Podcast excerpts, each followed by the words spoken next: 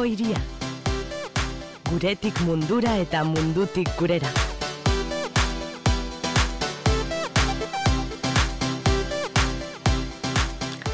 Abendua, kamar astelena, giza eskubideen deklarazio unibertsalaren iruro eta margarren urte urrena. Beteko da, eta hori dela, eta Bizitegi elkarteak fekor, alboan, amnistia internazional ongietorri errefusiatua kaletu eta bilboko auzo arteko elkarteekin batera, manifestazioa antolatu dute gaur bertan arratzaldez e, moioa plazatik abiatuz, pio baroja plaza arte e, burutuko dena. E, honen inguruan eta deialdi honen berri emateko telefonoaren bestaldean daukagu Aimar Rubio, amnistia internazionaleko kidea, Eguerdion, Aimar, Eguerdion. Bueno, aipatu dut, ez? E, e, gaur, bai. gizak eskubideen, e, bueno, naziarteko eguna da, ez? Eta gainera urte muga bat, ez? Eta horregaitik, e, bueno, ba, indar gehiago batu eta kalera atera nahi duzu, ez? Bai, hori zebera, ez? E, urte urren honetan ez, e, erronkak izugarriak dira, ez? Egoera ez da bat ere ona, eta horrezagatik, ez? E, ditzu diogu, mundu guztiari kalera joateko eta giz eskubideak aldarrikatzeko.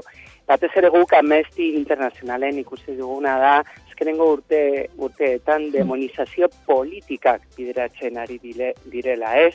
E, zer dira demonizazio politikak ikusten ari gara ez, nola giz eskubideak, nahiz eta unibertsalak izan, unibertsaltasun hori ez ukatzen ari da eta ez estatu egiten ari da hainbat giza taldeen txat e, nortzuen txat, ez? Bai, mm -hmm. etorkinak, heterosexualak eta cisgenero ez diren personen txat, hau da, LGTB taldea, talde etnikoen txat baita ere, rojinjak adibidez, ez, Birmanian, eta guztiz eta baita ere e, emakumeen txat, ez? Mm Hor daude bai gobernuak, alderdi politikoak, e, buru edo lider religiosoak, hainbat komunikabide edo fake news egileak, ez? Giza eskubiden atzerapen honetan parte hartzen, eta mm -hmm. oso oso garrantzitsua da, ez? Borroka honetan parte hartzea eta kaleratzea. Mm Bueno, eta baita ere, e, gure hirietan ere gertatzen ari da, ez? Bazterketa sozialean bizi diren asko ere, gure artean bizi direlako. Bai, guztiz, guztiz. E, bai orokorrean, e, bai hemen, ez, lokalki eta mundu osoan, ez? Aziz eskubideak ezin ditugu inoiz bez ziurtzat hartu dugu adibidez, eh, ziurtzatatu bat, beti izango dugula eskatasuna e, gure gobernua kritikatzeko, lan bat izateko, edo etxe duin bat izateko. Eta hoie guztiak giz eskubideak dira. Mm Giz eskubide ekonomiko, sozial eta kulturalak hain zuzen ere. Hortaz oso garrantzitsua da ez parte hartzea borroko honetan. Eh? Mm Bueno, gaurko e, deialdian gainera ezaten duzu ez, ez e, giza eskubideen ahalduntzeari buruzko salaketa, eta sentsibilizazioa ere areagotu behar dela, ez? E, biak dira garrantzitsu hau da. Urraketak daudenean salatu, baina jendeari ere gogorarazi giza eskubideak denonak direnak. Hori zebera, hori zebera.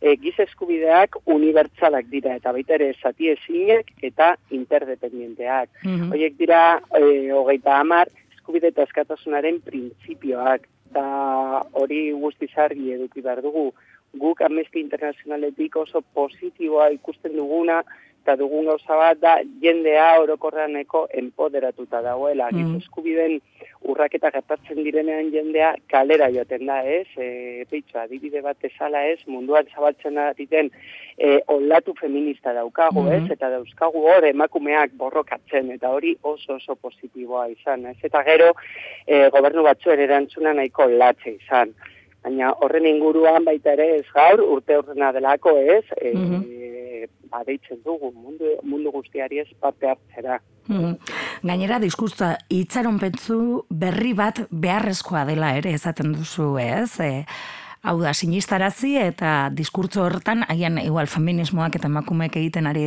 e, garena, baina beste esparru batzuetan ere, ez?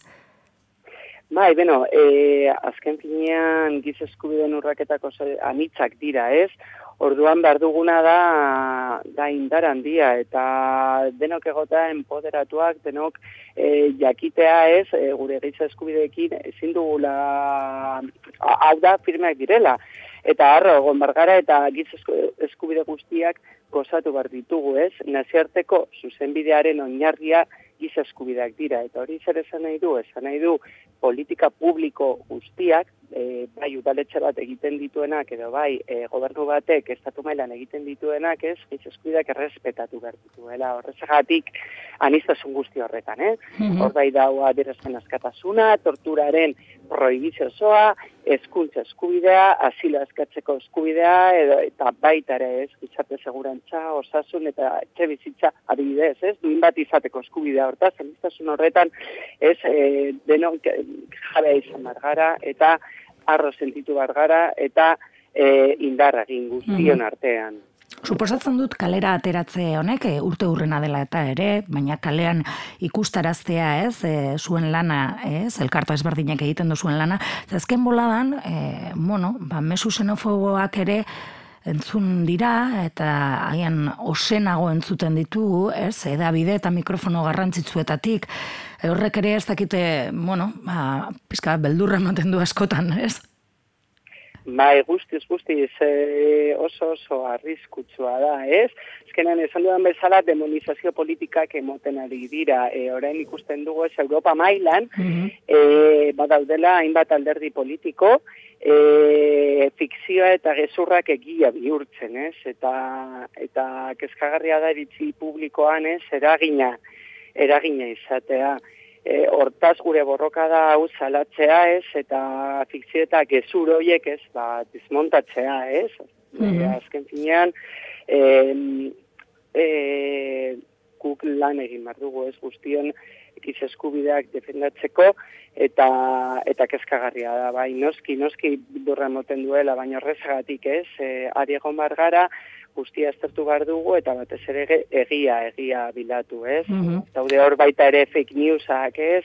Eragin handi egiten, eta eta hori oso oso kezkagarria da batez ere Europa mailan. Mm Gaurko deialdia gogoratuko dugu Aimar, e, Moyua bai. plazatik abiatuko da, ez? E, Pio Baroja plazara eta gainera manifestaldia ere, bueno, ba, e, koloretsua edo diferentea egiterik ba, e, egiteko asmoa baduzu, ez? E, irakurri du unagaitik, ez? E, Francis e, e, girot, e, bai. batera joango delako. Francis Doktor Deseo. Bai, bai, ala da, performance bat izango dugu eta eta nahiko nahiko gizia izango da. Hori da gure asmoa, horrezegatik, mundu guztia gonbidatzen dugu, e, energia guztiarekin e, manifestaldi dona etortzera mhm. eta giz eskubideak aldarrikatzera. Zer dutan abiatuko da, Imar? Ez zazpiretan. Zazpiretan. Moioa, bai, moioa enparatzatik e, abiatuko gara, zazpiretan. Bueno, ba, hortze behialdi eginda, entzuleari, bueno, gonbitea lusatuta, edo jakin dezan ere e, gaurko egunez, e, bueno, ba, e, giza eskubien deklarazio unibertsalen iruguro tamargarren urte urrena denarira, bakalera aterako saretela. Eskerrik asko aimar gaur gurean egon izanagaitik. Mila esker. Bai, agur. Agur.